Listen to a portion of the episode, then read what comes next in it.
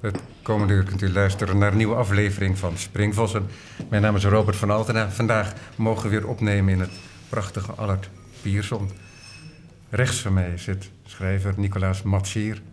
Dank voor de komst. En Piet Gerards, ontwerper, van wie ik al een aantal boeken heb besproken die van jouw hand zijn. Herinner ik mij. Ik noemde net al um, Mekka van de sociale woningbouw van Vladimir Stissi. Hm? Archeoloog die een boek heeft geschreven over Amsterdamse woningbouw in de 20e eeuw. En uh, Merlijn Hurks, die ik ook interviewde over oh ja. um, architect en aannemer. Ja, bij Van Tilt. En bij Van Tilt uitgegeven. Prachtige boeken. En prachtig vormgegeven ook. Maar daar spreken we elkaar vandaag niet over. Ik heb jullie samen uitgenodigd om te spreken over Stefan Temmerson en over Francisca Temmerson. Want je kunt het niet over de een hebben zonder het over de ander te hebben. Francisca Temmerson, beeldend kunstenaar, tekenaar, misschien ook wel grafisch vormgever, heb ik ergens genoemd zien worden. Dat liep allemaal in elkaar over. Zij waren niet zozeer van de strikte categorieën, denk ik. Nee, zeker niet. En filmmaker ook, want ze maakte samen film met haar man Stefan Temmerson in Polen in de jaren 30. Pure avant-garde film. Ja. En schrijver. En daar heeft hij zich met name na de Tweede Wereldoorlog in Londen op gericht. Over dat hele traject Polen, Londen. Daar komen we ongetwijfeld ook nog over te spreken. En Nicolaas Matsier. Ik heb hier een boek liggen. Dat is uitgekomen, denk ik, in 2003. Bij de bezige bij. Ik kan het wel even kijken, in 2003. Soms hebben we het goed. En dat boek, dat heet Woef Woef en andere proza van Stefan Temmerson. Vertaald door Ronald Jonkers. Nicolaas Matsier, die ook voorwoord schreef. En Hans Kloos. Jij vertaalde ook onder andere dat titelverhaal. Woef Woef dat ik gisteren met heel veel plezier heb gelezen. Keuze en samenstelling K. Michel. En dat is ook helemaal niet zo gek inderdaad, die K. Michel daar ook bij. Dat is een hele, misschien een logische genealogie zou je kunnen zeggen. En toch is het heel moeilijk om deze Temersons, om daar een vinger op te leggen. Dat wilden ze eigenlijk ook niet. En dat blijkt ook uit de verschillende interviews die er zijn gedaan. We spraken elkaar ooit over unposted letters, de brieven die ze elkaar schreven en niet verstuurd kregen per definitie in de Tweede Wereldoorlog. mooie editie ook. En ja, misschien moeten we bij het begin beginnen. Dus in de jaren dertig is dit echtpaar kunstenaar, filmmaker. En hebben een droom wel om naar het mekka van de beeldende kunst te gaan en dat is Parijs. Dat doen ze voor de Tweede Wereldoorlog. Dan breekt die Tweede Wereldoorlog uit. En Francisca, die Joods is, vlucht naar Londen in 1940. En in 1942 weet Stefan Temmerson vanuit Frankrijk, ik geloof via Portugal, ook Londen te bereiken. En daar... ook, hij uh, van afkomst, althans uh, Joodse. Ah, oké.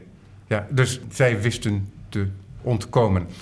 Dan heb ik hier nog een boek ontworpen door Piet Gerards, uitgegeven bij de prachtige kleine uitgeverij Plantage, die hele mooie edities uit heeft gebracht, ook over Poolse poëzie. En, um, ja, Jascha Rijgaard, 15 reizen van Warschau naar Londen. Jascha Rijgaard is het nichtje.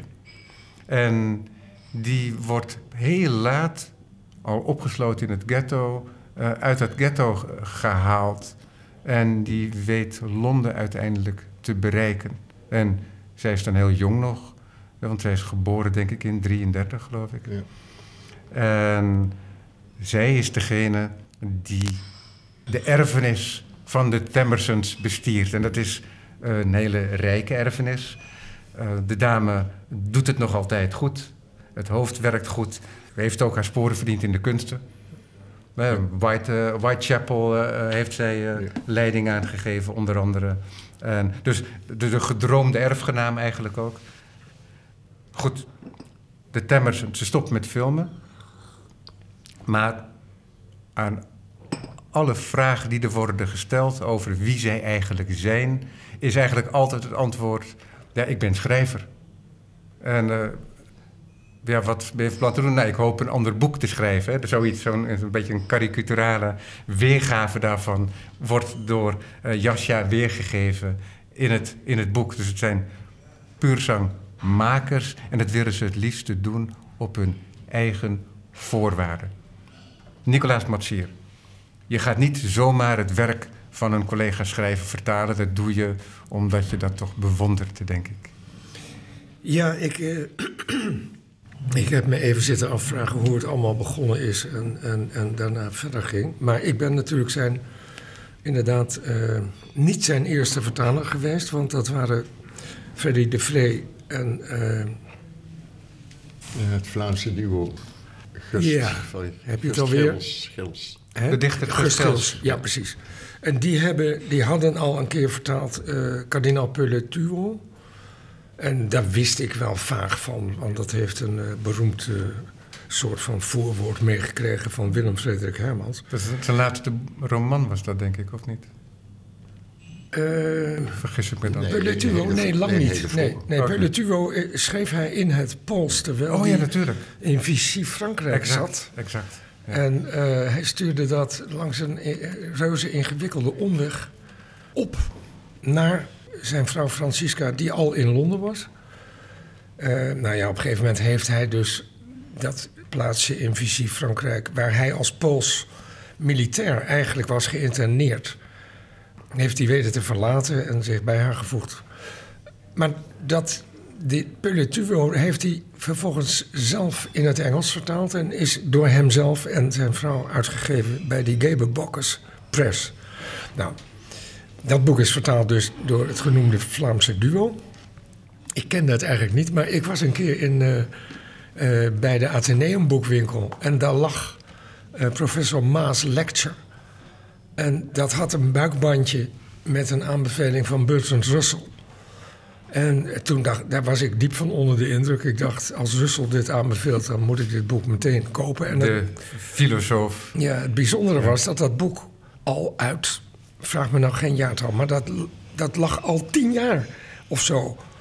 Dus hij werd nog helemaal niet geramst in die tijd. Althans, dit boek werd niet geramst. Dus ik, nou, Geruststellend, toch ook. en ik dacht toen, nou, dat ga ik, ga ik misschien wel vertalen. Dat heb ik nooit gedaan. Ik heb later wel geprobeerd, toen ik redacteur was eh, bij de Bezige Bij, om het vertaald te krijgen. Maar dat is nooit erg goed gelukt. Het moet eigenlijk alsnog een keer, vind ik. Dat is een, eh, een, een wel, wel boeiende roman over, eh, die zich in een soort termietenstaat afspeelt. Ja, het is een fabel. Ja. Ehm, goed, maar eh, Logic, Labels and Flash was het boek dat mij er echt toe bracht om te gaan vertalen. En dat was ook een beetje gekoppeld aan de revisor. Waar, eh waar Temerson eh, ook al wel enige mate bestond, zal ik maar zeggen. En toen heb ik eerst een paar losse essays vertaald voor de revisor. En daarna is dat dus een, een uitgave geworden bij de Bij, want dat was de uitgever van Temerson al. En eh, het, grappige is, daarachteraan heb ik nog een paar eh, boeken van Temerson vertaald. Eigenlijk eerst vooral twee kinderboekjes. Dus eh, meneer Bruis bouwt zijn huis, ofwel in het Engels Paddy... eh, even nadenken, hoe heet het? Eh, Paddy Bottom. Nee, Mr. Rouse builds his house. En eh, daarna heb ik Paddy Bottom, The Adventures of Paddy Bottom vertaald, de avonturen van Aartje Stapper. En later nog eens een keer dat Woef Woef, waar je het net over had. Dat is een soort novelle. En het grappige is dat ik, dit is small talk hoor, maar voor mij is het ook tegelijkertijd veel betekenisvoller dan dat. Doordat ik bij de bezige bij de, de redacteur die over Temerson ging, Wim van Beuzenkom, leerde kennen, eh, zei die op een dag tegen mij: Zeg, redacteur, zou dat nog wat voor jou wezen? Bij de bezige bij. En ik was gewoon een, eh, ja, een freelancend eh, schrijver, kleine schrijver en, en kleine vertaler, zal ik maar even zeggen. En in eerste instantie dacht ik wel nee. En daarna dacht ik, ik heb nu kleine kinderen. En eh, het is niet zo gek als ik een beetje onder dak ben. En toen werd ik geacht de eerste sollicitatieronde, waar 200 mensen aan hadden deelgenomen, gepasseerd te zijn. En ik heb dus eigenlijk nooit een sollicitatiebrief geschreven zelfs maar. Maar goed, ik ben het geworden, om maar kort te gaan. En vervolgens was ik weer ook de redacteur van Emerson. Dus Wim van Beuzenkom en ik zijn een keer naar Londen geweest eh, om hem eh, te feliciteren met een verjaardag. En ik ben zelf een keer naar Londen getogen om eh, hem te interviewen over Logic Labels en Flash. En ik realiseerde me toen helemaal niet dat, ja, dat dit interview, ik geloof ongeveer het langste is dat er ooit met hem gemaakt is. Want hij moest niets hebben van interviewers. Ja, want er staat een ander interview in dit boek dat Ja. uit is gebracht. eh, onder redactie van Jascha uh, Rijgaard. Dat ontworpen is door Steven de Smet en Piet Gerards. En daarin staat een interview dat zomaar een sketch van Monty Python zou kunnen zijn. Maar het was een serieuze aangelegenheid. Ja. Ja, en dan was ik dus inderdaad heel verbaasd om verderop in het boek jouw interview uit 1979 Ja. met Temmerson Ja. te zien, waarin hij daadwerkelijk met je in gesprek gaat. Ja, en het grappige was, of, ik, ik, ik had een bandrecordertje bij me. En toen ik dat allemaal begon af te spelen, ik geloof drie bandjes maar liefst, van, van die kleine, kleine bandjes. Toen begon ik mijzelf echt uit te vloeken. Hou je kop, man, riep ik. En zo, dat soort van dingen. Laat die man uitpraten. Want ik had allemaal brave, keurige lijsten bij me van vragen. En die was ik aan, aan het afwerken. En dan was hij, want hij formuleert, nou ja, traag, maar heel goed. Was hij bezig net weer een, een uitbreiding te geven van een antwoord. En dan eh, raasde ik alweer door naar de volgende vraag. Niettemin, en dat is dankzij hem uiteraard, is het een, echt een goed interview geworden. waarin hij wel degelijk op een totaal onuitwijkende manier antwoord geeft op allerlei vragen. En dus ik ben er in die zin wel trots op dat dat, dat dan toch maar gebeurd is. Nou ja, dat interview is, ja, Ja. is nu teruggerestaureerd naar zijn oorspronkelijk. Het was voor Vrij Nederland. Dus eh, ja, dan maak je een keus natuurlijk. Eh, ik bedoel, het is ook een bouwwerkje, zo'n interview. Eh, en je doet net alsof het eh, allemaal zo verbonden is geweest. Eh, maar het is teruggerestaureerd dus door Lodewijk Muns... die de muziek heeft gemaakt voor twee dingen van Temerson... in Temersons oorspronkelijke Engels vanaf twee cd'tjes... die ik van die bandjes heb laten maken. Dus het is een nou ja, voor zijn Engels, zal ik maar even zeggen, is het al een vrij getrouw interview geworden. Dat is natuurlijk ook wel weer grappig. Ja. Maar ik ben blij dat, eh, en trots dat het, eh, dat het erin staat. Het is interessant hè, dat hij zich op geen enkele manier wil laten vastleggen. Nee. Dus je kan zeggen dat hij schrijver is, dat wilde hij nog wel. Maar hij zegt van zichzelf ook, want hij schreef ook essays over theorie en filosofie. Een prachtige briefwisseling heeft hij met diezelfde Bertrand Russell. Ja. Waar hij ook wel trots op was, denk Ja. ik. En die Bertrand Russell die al veel ouder was. Stephen Temmerson is 1910 en Bertrand Russell uit de jaren 70, denk ik, van de 19e eeuw. Dat weet ik niet uit mijn hoofd. Maar, eh, Maar goed, hij werd heel erg oud. Hè. Zij, dus, eh, zij eh, hebben elkaar nog lang Ja. kunnen spreken. ja, ze waren echt bevriend. Ja. Maar wat interessant is, is dat hij zelf ook zegt, deze Stefan Temmerson, dat hij niet een theoretisch essay kan schrijven. Dat alleen maar een theoretisch essay is. Ja. Dus op een of andere manier moet het kopje altijd overlopen. ja, nou ja, ik was zelf destijds verbaasd, want ik, ik liet me ook een beetje leiden door, eh, door, door, eh, door W.F. Hermans, die natuurlijk een soort hardgekookte logisch positivist was. Dus ik bedoel, het is niet voor niets dat hij eh Wittgenstein heeft, heeft eh, willen vertalen. En, en Hoewel de hardgekookte logisch positivisten ook niet de goedkeuring konden eh, wegdragen van Wittgenstein zelf. Nee, nee, nee, Maar dat, dat is, is waar. weer een nee, dat is weer een andere nee, Dat is absoluut waar. Dus Ja. die had een aparte positie daarin. Maar goed, ehm, Russell en Wittgenstein worden natuurlijk vaak onder een accolade geplaatst. In elk geval de Wittgenstein van de Tractatus. Jan Wittgenstein die komt bij hem terecht Ja. In Londen met de vraag... heeft het enige zin dat ik me ga richten op filosofie? Zit er wel wat in dat hoofd en maakt het Ja. zin? Ja, geweldig. En eh, toen concludeerde Russell al vrij snel dat hij met een genie te maken had. Ja. Dus dat is toch heel interessant. Ja. Maar goed, dat als een terzijde. Ja. Maar ik, ik was dus eigenlijk... Ik, ik studeerde destijds eh, min of meer filosofie. Althans, ik heb zoiets als drie vijfde van een, van een doctoraal gedaan. Of, of een drieënhalf vijfde misschien zelfs wel. Ehm, Laten we precies zijn. en ehm, nou ja, toen was ik ook sterk geïnteresseerd in analytische filosofie en, en, en, en al dat soort omringende dingen. En dus ik had eigenlijk een beetje ook diezelfde Hermansiaanse blik in de ogen toen ik hem eh, ging interviewen. En toen merkte ik ook tijdens het interview wel dat hij, nou ja, dat hij daar veel su- subtieler en genuanceerder, zal ik maar even zeggen, eh, tegenover stond dan, eh, dan Hermans zelf deed en ook dan ik deed op dat moment. En dat was voor mij ook een verrassing. Dus hij was eigenlijk veel toleranter eh, als het ging om allerlei zaken. Ook, ook de verhouding tussen literatuur en, en wetenschap bijvoorbeeld, dan ik had aangenomen. Hij was een fundamentalist van de tolerantie, zou ik zelf zeggen. Ja, in zekere zin, ja. En eh, nou ja, dat is het grappige. Dan kom je erachter dat iemand misschien wel veel meer van Diderot houdt dan, eh, nou ja, dan van het logisch positivisme, zal ik Ja. maar even zeggen.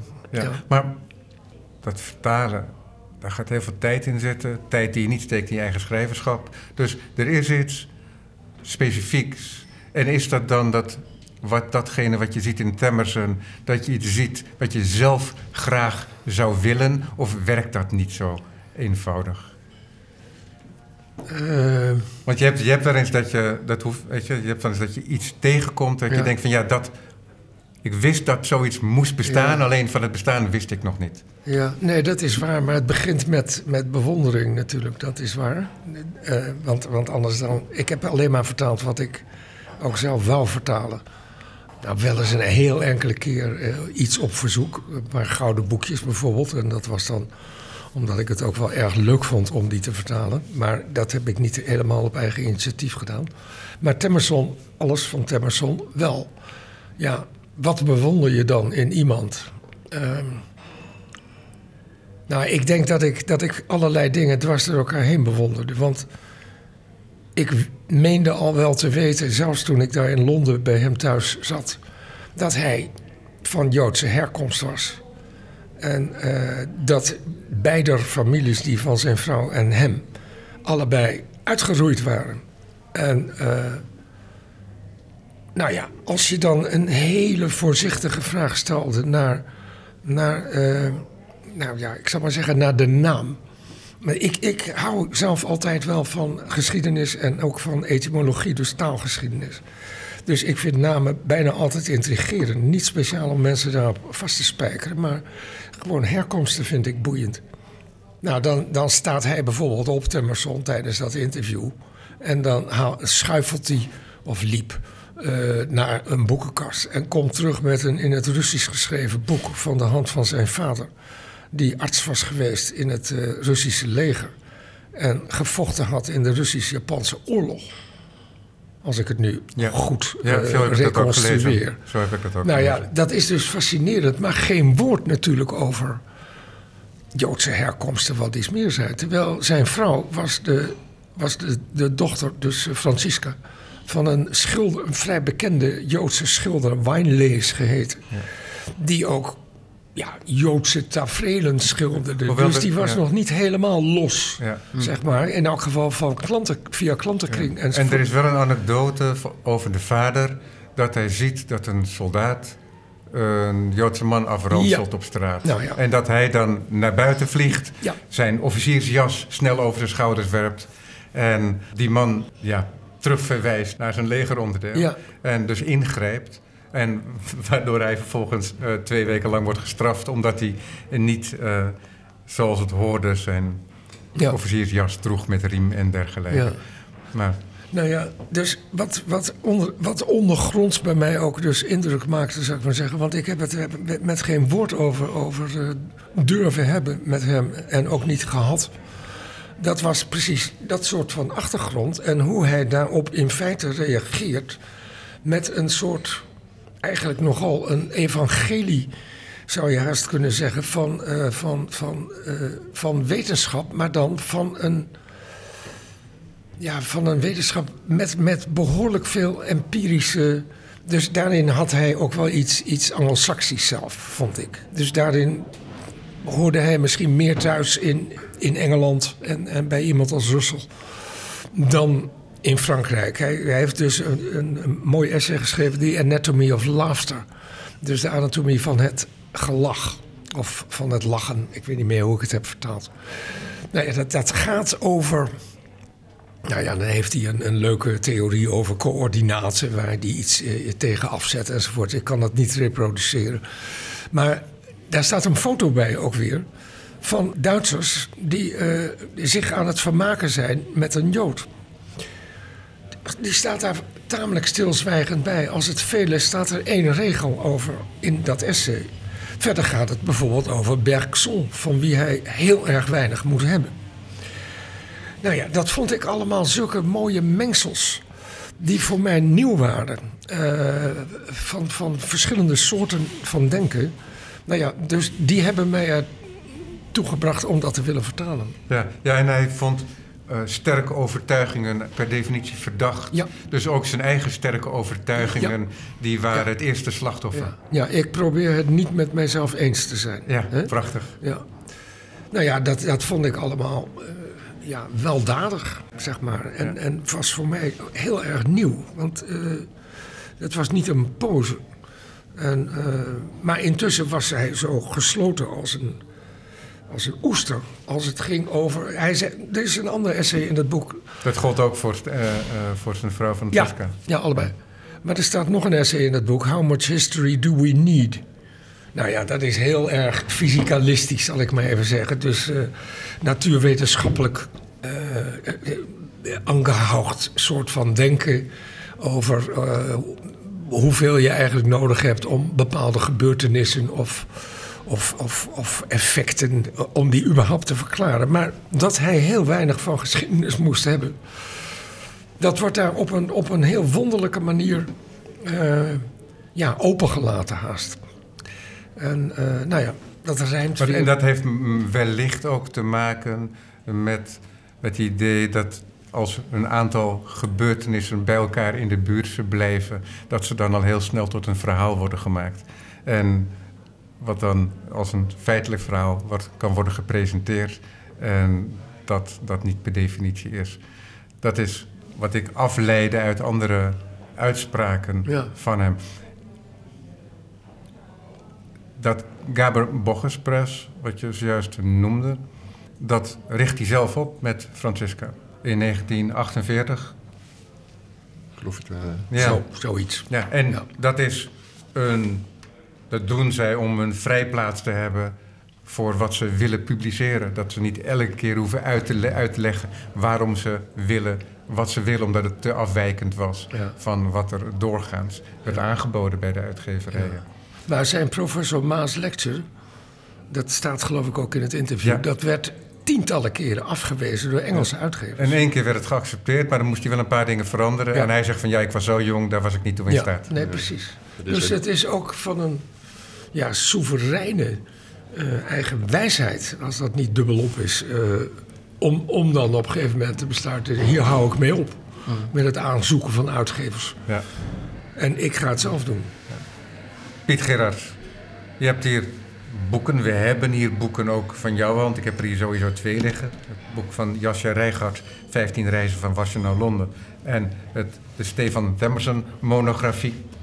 Dat is verbonden met een Francisca Temmerson monografie die in 2019 uitkwam. Ja, klopt. Ja. En je hebt ook nog twee andere publicaties voor je liggen. Die ik me herinner ooit gezien te hebben. Ja.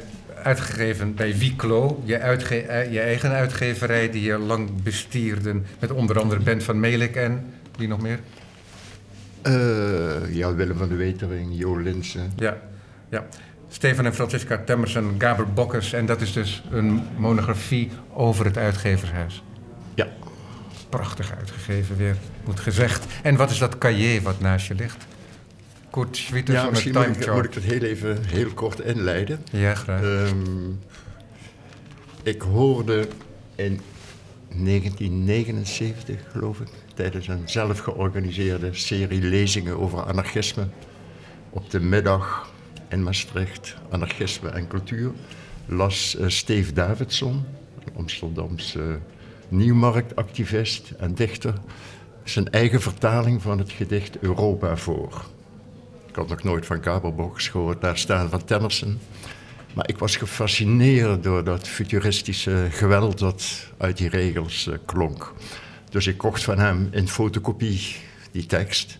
En ik wilde daar iets mee gaan doen. Ik heb nog een briefje achter in een van de latere uitgaves met allerlei plannen voor een manifestatie, met film, met theater enzovoort, rond die tekst. En ik sprak daarover met een boekhandelaar in Maastricht, boekhandel De Tribune, Paul Westerning. En die zei, Europa, dat zegt me wel iets. En die kwam dus met de Gabelboches uitgave van het gedicht Europa in de fantastische vormgeving van uh, een jonge Poolse ontwerper. Dus uit de jaren, eind jaren twintig hebben, we het, hebben we het dan over. En ja, toen was voor mij natuurlijk duidelijk dat ik, dat, dat ik die vormgeving uh, zou, uh, zou overnemen. En Paul Westerling heeft een nieuwe vertaling gemaakt. Vanuit het Engels wel, wel, wel te verstaan.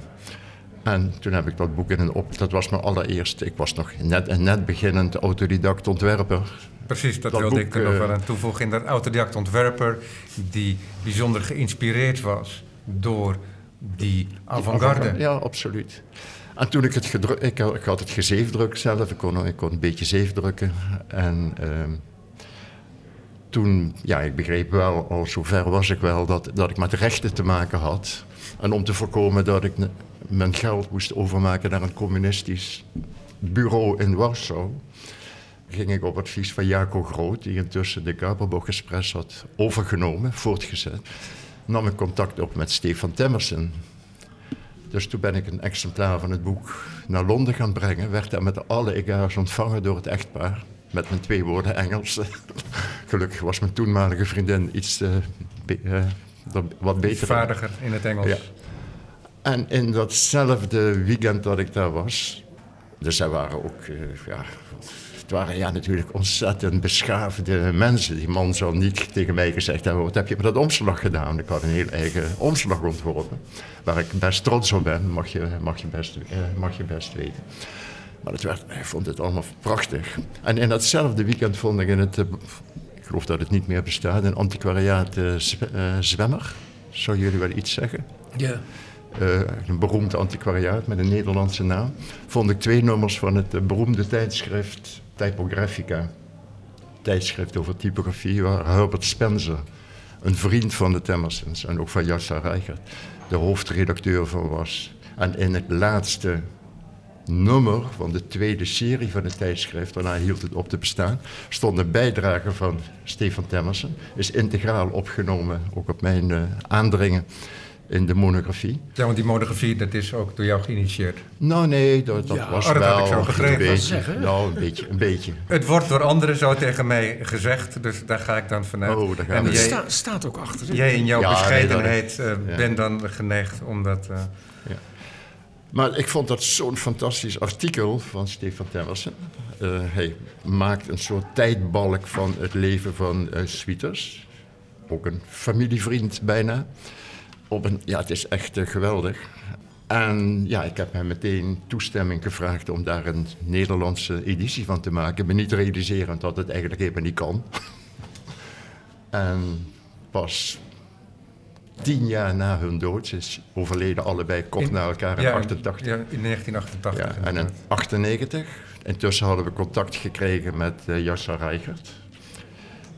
Uh, ja, ze is zojuist al uh, door Nicolaas genoemd.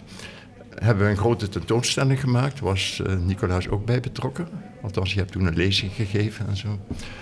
En bij gelegenheid van die Dat tentoonstelling... was in Signe, die tentoonstelling. Signe, ja, en dat ja. was ook een initiatief van jou met Ja, een aantal een paar, eh, gelijkgestemde vrienden. Ja, En waar mooie tentoonstellingen werden gemaakt. Ik herinner me ook een tentoonstelling over Tarkovsky bijvoorbeeld. oh ja, ja, ja.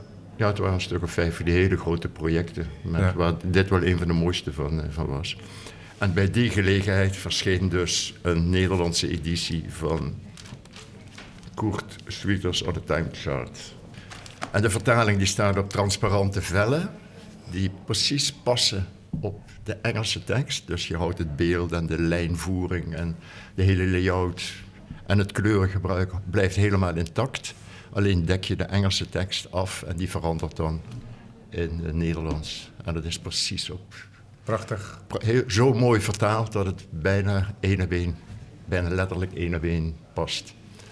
Mooi. Dat, en dat was uh, mijn kennismaking eigenlijk met het een fenomeen kennismaking, maar, maar, dat is vervolgens doorgegaan, want je hebt hier die biografie, die biografie ja. van een uitgeverij. Heb, ja, je, heb je gepubliceerd? Je, ont, je ontwerpt daarna ook nog zo'n boek over Jascha Rijgaard. Die monografieën over de Temmersons, die komen er dan nog uit. Dus het is wel een langer durend verband. Ja, maar dat, ik denk dat we, dat, dat, dat we daar, daarin eigenlijk gelijkgestemden zijn. Als je van iemand, van iemands werk houdt of op zijn minst iemand heel interessant, boeiend is dat, vindt. Is dat de, de verzameling bezigheden van de Temmersons? Of is Ja. dat ook die onafhankelijke uitgeverij? Die, voor mij was het vooral, toen ik die uitgeverij ontdekte, toen ontstond ook meteen het idee om dit boek te maken. Dat heeft ook wel tien jaar in beslag genomen. En de, de auteur, de hoofdauteur, is eh, helaas, eh, heeft het gelukkig afgemaakt, maar is overleden. Walter van der Star. Walter van der Star, echt een fantastisch essay over de Temmersons of Kaberbogers in Nederland. Ik heb het in de trein met één oog proberen te, nog te lezen, tussen alle vertragingen door vanmorgen. Het is echt eh, zo compleet en ja, ook heel goed geschreven, vind ik. Maar ja, die uitgeverij vond ik echt ja, vond ik fascinerend. En ik vond het zo zonde dat er geen publicatie bestond waarin je ook echt de, ja, de kwaliteit van de boeken zag. Er is een New Yorkse uitgave, een, god, hoe heet die ook alweer? Een avontuur en uitgeven. Ja, ik Eh, weet het niet. Ja, hoofd. het is Ja. Ook zo'n boekje dat overigens uit elkaar Ja. valt. Maar ja, daar staan ze van piepklein, Ja. zwart-wit in. Dus ik vond dat wel eh, teleurstellend. En ja, toen was het idee voor dit boek geboren. Alleen ja, bij mij lopen dit soort projecten vaak heel lang. Dit ook twaalf jaar. Ja, maar je hebt ook een praktijk als ontwerper zelf. Hè? Je, je eigen bureau had je. Ja, maar dat maakte het ook mogelijk om dit soort dingen Het maakte te doen. het mogelijk, maar tegelijkertijd was het ook zo dat, dat, eh, dat je dit ter, terzijde deed. Ja, ja. Nou, daar werd ook het bureau wel voor ingezet als we zo'n tentoonstelling in Signe maakten. Daar liep het ook Het liep echt door over, elkaar. over elkaar, want Ja. je had ook mooie avonden, een soort salons, Ja, ja. waarbij dat soort presentaties. eh. Dus in die zin was het wel zo ook dat die hele manier van doen, dus niet alleen de uitgeverij, maar de hele manier van doen eromheen, het vrije denken en ook het proberen ook het, datgene te tonen wat anders bijna geen stem of podium krijgt, dat is iets wat jou ook zelf aangaat. Ja, ja. Nou, en daar speelde ook mijn uitge eh, ook alweer heel lang geleden overleden uitgeverscompagnon Joep Schreurs een grote rol in. Hij beheerste zijn talen, dat kan ik, eh, mag ik over mezelf niet, eh, niet zeggen. Maar hij pikte dingen op en hij deed de correspondentie voor Gerars en Schreurs. Dat hebben we een jaar of acht gedaan, ik denk 25 boeken uitgegeven. Maar het was wel een, een soort leidmotief voor ons. Dat je de dingen deed die anderen ja, te onbelangrijk vonden, te klein vonden. Ehm, Ja, maar wat, ook, wat, ik, wat ik er bijzonder aan vind en wat ook een overeenkomst is, is dat je dingen niet alleen doet. ja, ja, nee, het was En, altijd dus de- en, en, en dat betekent dus dat je ook een bepaalde generositeit moet hebben over de ideeën van anderen en ehm, waardoor er nieuwe dingen kunnen ontstaan. Nee, maar ik kan zelf...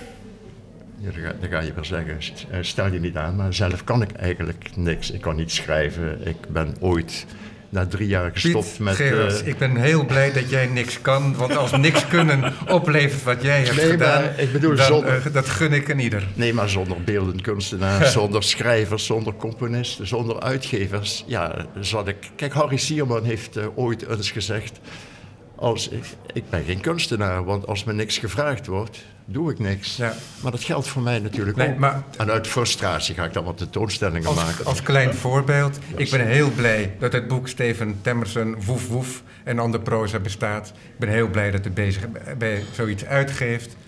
Maar op een larmoyante manier is het, eh, is, Ja, het, eh, is in, is het in een boek gevat, waardoor je voortdurend in gevecht bent met zijn boek. En terwijl ik als ik jouw Jascha Rijgaard boek beetpak, en, of andere boeken van jou, en ik nee, ook de, alle titels die ik, die ik eerder noemde, dat is een plezier ook tegelijkertijd. Dus de, die werken mee aan uh, toegang krijgen tot de informatie verpakt in het boek.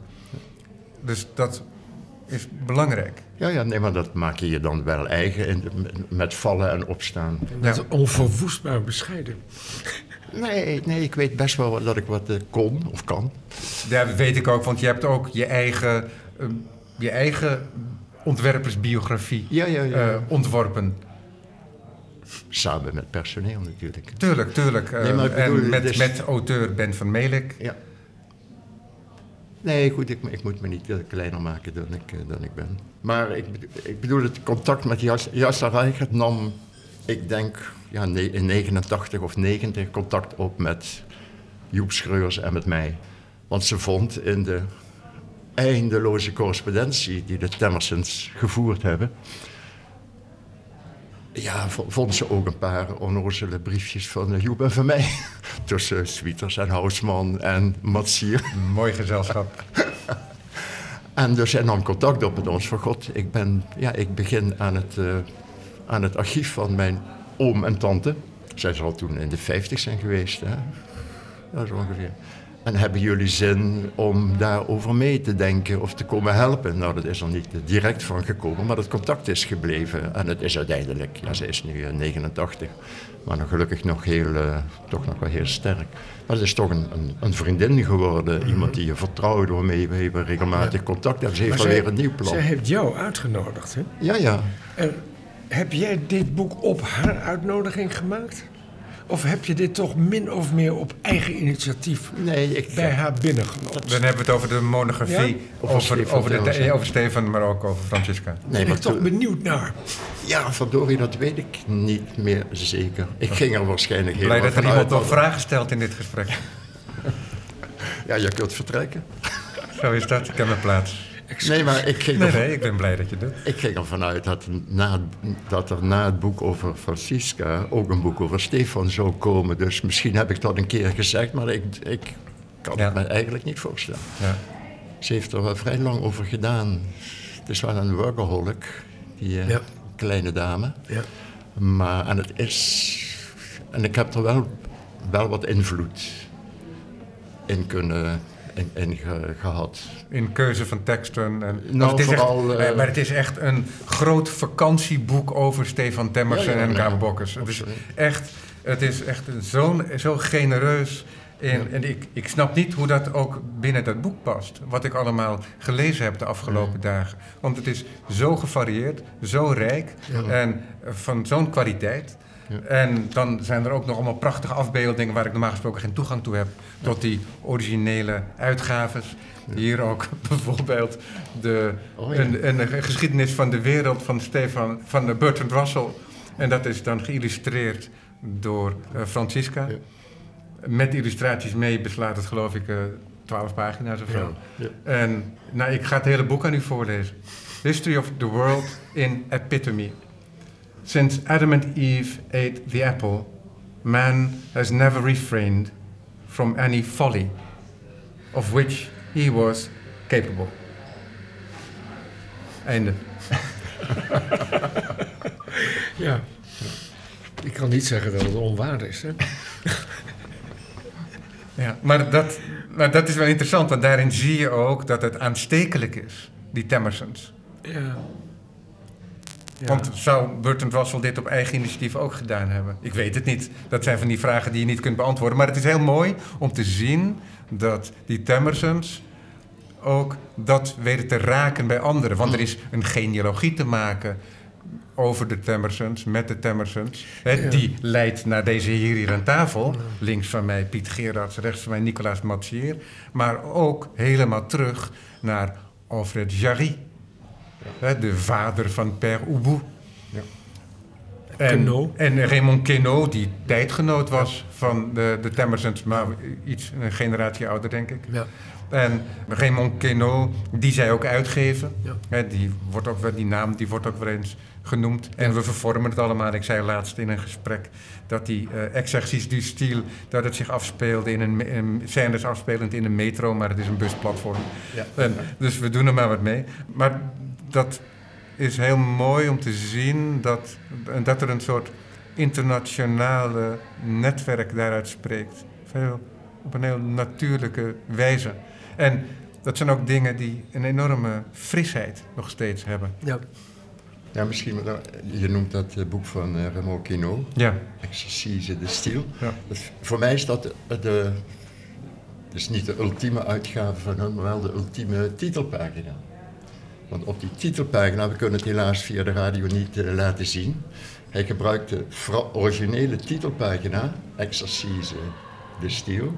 En met correctietekens in rood, met drie correctietekens, maakt hij van dat Frans Engels, exercises in style. En kijk, als je dat aan je medewerkers uh, laat zien, dan denken ze, er is iets misgegaan. Maar die, dat, ik vind dat subliem. Ik vind dat de mooiste titelpagina ooit. Die kent. Daar ben ik jaloers op. Ja. Om dat te durven, en dat kun je alleen maar in je eigen boeken. Maar van wiens hand was dat? Van, van Francisca. Van, of van, van Francisca? Hij maakte de ontwerpen. ja. ja. ja. ja. Ja, ja, was, was, want ze hebben ook met andere ontwerpers uh, gewerkt, bij, met Kamerbokkers. Nee, Frans volgens mij was dat het zag ik toch in, Francisca. in, in dat, nee, in, heb ik het uh, Bij Kamerbokkers werd er ook een andere, uh, een andere typograaf, ja, zag ik. Ik ben de naam, moet ik schuldig blijven. Van, van Cano. Hoe heet ze? Barbara Wright. Ja, Barbara Wright. Die, dat was een beetje de drieter in Bond. Ja, ja. Drieter. Ja. Nou, maar volgens mij waren zij het. Gewoon die dat gewoon bij elkaar kon Ja, want wat ook wel bijzonder is, is dat zij ook een common room hadden enige jaren. Maar dat, nam zo, dat was zo'n succes. En die common room, dat was een club voor gelijkgestemden. Die een klein bedrag uh, betaalde. En dan waren de voordrachten soms van uh, de leden, maar ook van buiten. Hè, zelfs Sean Connery kwam er, kwam er langs om dingen voor te dragen. Nee, maar dat, die verwacht je daar niet. Die verwacht je daar niet. En dus ze wisten ook mensen en stemmen te verbinden. En dat ging ook over keiharde wetenschap soms. Ja. En dan werd er door de wetenschapper gevraagd: ja, kan ik dat wel doen? Want wordt het nou wel begrepen? Ja. En dan had hij een soort uh, formule. Dat, je, dat het één kwart zo, twee derde. En, uh, en het laatste kwart, het mag gewoon volledig onbegrijpelijk zijn.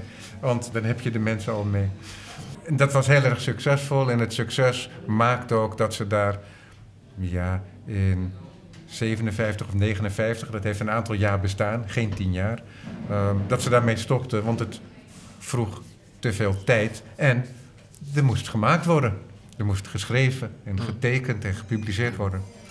Toch bijzonder. En een gebeurtenis onlangs in Amsterdam is dat die films die kwamen weer in de aandacht. Omdat Europa, de tweede film van het echtpaar Temmerson uit 1932, als ik het goed heb, dat die film verloren gewaand terug is gevonden. In een archief in Berlijn, nota bene. En die film die werd vertoond hier met uh, muziek van een, een Nederlandse componist. En die Nederlandse componist, Piet, kan je me helpen? Lodewijk Muns. Lodewijk Muns, precies. Sorry, tweestemmig. En, en, dus er is nu, en er heeft nog nooit muziek onder die film gezeten. Het vermoeden is dat er grammofoonplaten werden gedraaid als de film werd vertoond. De film, avant-garde, klein publiek, maar een enorm succes. En dat succes dat is blijven hangen, want er werd altijd aan gerefereerd. Ze werden gezien als de beste avant-garde films van Polen uit de jaren 30. En toch gestopt met filmen. Die film die is weer boven water gekomen. Die is te zien op Vimeo tegen betaling. Um, op uh, de Vimeo-pagina van Lux, een uh, instituut voor bewegend beeld in Londen. Hm. En ja, dan komt dat opeens tot leven. En dat is een beeldgedicht op basis van een tekstgedicht van Anatole Stern, waar je eerder al melding van gaf. En wat nou interessant is, is dat daar die Temmersons al toch wel samengevat worden in enige zin. Want dat gedicht van Anatole Stern is heel ernstig. Mhm. En het gaat uiteindelijk over de verwoesting van de oorlog, maar ook dus de verwoesting van de gewone man. in die oorlog. En als het niet de oorlog is, dan is het wel de industrialisering die de, die de mens uh, vertrappelt. Dus het is een grimmig gedicht. En het interessant is dat zij in staat zijn geweest om die grimmigheid te vertalen naar film, maar zonder dat het afstotelijk wordt. Dus ze zorgen uiteindelijk. Zij hebben een lichte toets. Hè? Voor een, ja, voor een bijna dadaïstische opvatting daarvan, maar zonder dat de betekenis helemaal overboord gaat. Dus het is niet nihilistisch. Want je zou kunnen zeggen dat de appel die in plakjes wordt verdeeld en vermalen in kaken en dergelijke, dat die appel staat voor de mens in die film. En wat nou zo interessant is, is dat dat soort één op één vertalingen werken nooit. Maar dat is wel een mogelijke lezing daarin. En ja, verder is het een film die bestaat uit collage, eh, fotogrammen, ehm, je ziet solariseringseffecten, talen, echt van alles uit de kast met heel weinig middelen. En er werd, ik weet niet meer wie dat zei, oh ja, Laszlo Molinari, die zei ooit tegen Steven Temmerson over die film, ja, it's very sophisticated. En waarop Steven Temmerson niet de tegenwoordigheid van geest had om dat op dat moment te zeggen, maar later dacht, sophisticated, nee, het is primitive. En het is primitief, want het is met minimale middelen gemaakt en het is heel direct. En daar spreekt heel veel uit, uit die omgeving van die film, over wat hij daarna wil. Want dat spreekt ook uit zo'n verhaal van woef woef. Het is heel intelligent, er zitten intellectuele overpeinzing in, maar tegelijkertijd elementen van een sketch die wij verbinden met Monty Python. Dat zeg ik dan eventjes samenvattend. En het is volledig absurdistisch ook tegelijkertijd. Het is theater en het is verhalenvertelling in één. En dat in een tijdsbestek van 30, 35 pagina's. Ja. Dus er komt zoveel samen. Er is zo'n prachtige economie van middelen, ook hier in dat verhaal, net zoals in die film. Kan je daarmee leven als ik zoiets eh, zeg? Ik over vind het geweldig zoals jij uh, erover spreekt. Nee, het is echt waar. Ik vind het, het komt heel dichtbij wat ik, wat ik er misschien ook zelf wel over zou willen zeggen. Ja, ja want wat is, dat is interessant natuurlijk, want het verwijst ook wel naar jouw eigen werk. Dat jij heel erg houdt van een vereenvoudiging. En niet een vereenvoudiging als in dat je af wilt zijn van gecompliceerde gedachten, maar dat je altijd zoekt naar een soort uiterst eenvoudige uitdrukking. Ja, eenvoudig helder. Ja. ja. Helder is het woord. Ja. ja. Nee, het, is... Uh, de, de, de, In alledaagse taal en zonder ismen en... Ga ik graag mee akkoord. Ja. Maar Timmerson is natuurlijk iemand die nooit chic doet. En is. En dat, datzelfde geldt voor het beeldende werk van, van Francisca al evenzeer. En het geldt ook voor hun nicht Jascha Reichert die ik ook enorm bewonder. Die paar teksten die zij aan dit soort van boeken bijdraagt, die zijn zo ongelooflijk ter zake. En vaak ook, ook licht. Ja. Ja, dat is dus heel knap. Ja, maar wat ik heel belangrijk vind, en, dat, en dan verwijs ik naar jullie alle twee. Wat heel belangrijk is, is dat die eenvoud, die is geen miskenning van het complexe. Want in het Amerikaanse, in cinema, maar ook in andere uitdrukkingsmiddelen, daar is, daar is historisch gezien een groot anti-intellectualisme. En dus dan is die eenvoud, die gaat gepaard met het anti-intellectualisme. En in, in, jullie geval, en dan, heb ik het, dan leg ik jullie op tafel met de Temmersons, is het toch ook echt zo dat het intellectualisme um, en filosofieën en ehm, veel problematische zaken, die zijn verdisconteerd in die eenvoudige, heldere taal. Dus dan gaat het erom dat er iets over wordt gebracht en niet per definitie dat er iets wordt gezegd over connecties, maar dat de tekst het zelf moet doen, net als dat het ontwerp het werk moet doen. Ja, ik stel geen vragen vandaag, het spijt me. Maar ik ben heel blij dat ik jullie aan tafel heb om, om jullie zelf te spreken. En ja, jullie hebben die Temmersons alle twee meegemaakt? Nou ja, het, het grappige was dat die, eh, die eh, vertoning in AI... Dat, tot mijn grote verrassing was die zaal nagenoeg vol.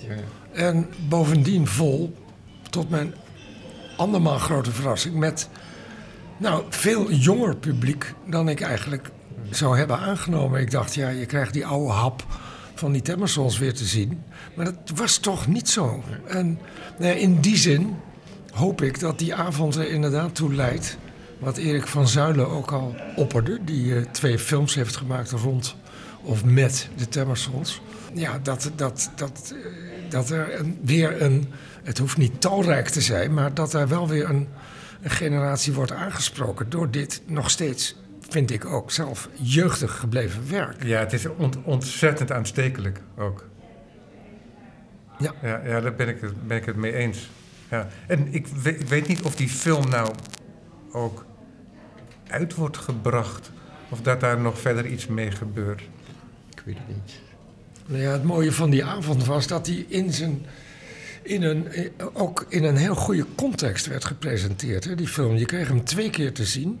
Eén keer als een soort re- restante aaneengelast, plus minus, door Temmerson zelf. Op een rijpe leeftijd. Dat is Ja, want, ja, want, want het- inderdaad, het was nog niet teruggevonden en het was een soort legende geworden, Ja. die film. Net als een aantal van die andere films. Ja. Die werden verloren gewaand, geacht, vernietigd in de Tweede Wereldoorlog. Ja. En er zijn wat collages gemaakt om nog iets boven Ja. water te halen Ja. van wat het had kunnen Ja, zijn. maar daar, daarom was die avond zo mooi dat je eerst het ding te zien kreeg. Dus een soort reconstructie van Temmerson zelf. In de jaren tachtig notabene nog eens een keer gemaakt. Dus hij hechtte er kennelijk toch aan om te proberen iets daarvan eh, terug te halen. Maar eh, met als tekst daaronder het complete Engelstalige door hem zelf vertaalde gedicht door Temmerson. En eh, dat, dat gaf een straf. ja, ja, de film gaf een straf tempo te zien, zeg maar. Waarschijnlijk door die tekst. Maar die had je in het hoofd als je dan vervolgens de teruggevonden, gerestaureerde kopie uit Berlijn te zien kreeg. Met die nieuwe muziek van Lodewijk Munsel onder, die ik, ik ben, ik ben geen grote muziekkenner, dus ik kan er technisch niks over zeggen, maar die ik echt heel erg goed vond. En ik niet als enige. Eh, dus dan krijg je toch een soort sensatie van, ja, we zijn ergens in de jaren 20, 30, bij wijze van spreken. En ook werden er een paar Duitse, uh, Maier heette de man, Hans Richter. Richter, je hebt gelijk. van Richter. Ja, zeker. Werden Ja. er vertoond twee filmpjes waarvan je zag dat Temmerson die gekend moet hebben. Ja. Want er werd lustig gebruik van gemaakt. Ja, want die, werden- die- want die maakte al die films in de jaren twintig al. Ja, ja, vroeg in de jaren ja, twintig. maar dat was Ja. dus heel grappig. Ja. En eh, nou ja, dus ook weer een soort lichte toets. Die, die mij sterk opviel. Ook in, eh, in, in de films die, je- die je als sympathiserend eromheen zag. Hmm. En het was dus een beeldschone avond, vond ik. Ja. Nee, de muziek was ook goed omdat hij zowel illustreerde, de film volgde, maar ook zo hier en daar echt een, ja, een, eigenlijk een contrapunt zette. Het was,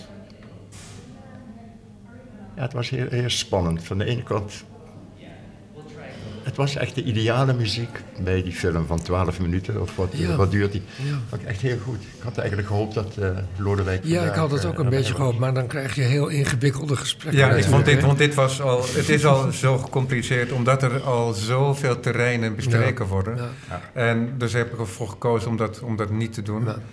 Maar ik dank wel voor de suggestie natuurlijk dat dat mogelijk was. Maar Stefan Temmerson, Francisca Temmerson en de boeken die net zijn verschenen nu is dus Jascha Rijgaard, 15 reizen van Warschau naar Londen. Dat is haar eigen relaas over haar als kind. En de brieven die heen en weer werden gestuurd in die vroege oorlogsjaren. En dan is het stil. Want dan zijn ze vermoord en is Jascha inmiddels in Londen aangekomen. Prachtige editie van de plantage. En we hebben hier Stefan Temmerson, de monografie, die volgt op de in 2019 verschenen monografie over Francisca Temmersen, onder redactie van Jascha Rijgaard. Ontwerp Steven de Smet, Piet Gerards, initiatief van Piet Gerards. En hier natuurlijk die prachtige boeken. Wie er nieuwsgierig naar is, en ik snap niet als mensen daar niet nieuwsgierig naar kunnen zijn. Um, woef, woef en ander proza, dat is ongetwijfeld nog te verkrijgen via internet, boekwinkeltjes en dergelijke. Zo heb ik het verkregen en daar ben ik heel blij mee. En er zijn nog andere prachtige boeken. Dus nou, dan moet je wel heel erg gelukkig zijn, denk ik. Wil je dat nog treffen? Steven Temmerson, Logica, Etiketten en Vlees onder andere. En Aartje Stapper. En wat hebben we nog meer? En we hebben nog een prachtige raster gewijd aan Stefan Temmerson. Kijk eens. Nou, dat dus voor de nieuwsgierige en degene die die zoektocht aan wil gaan. Piet Gerard, Nicolaas Matsier, hartelijk dank. Ik dank Erik Korver voor de techniek.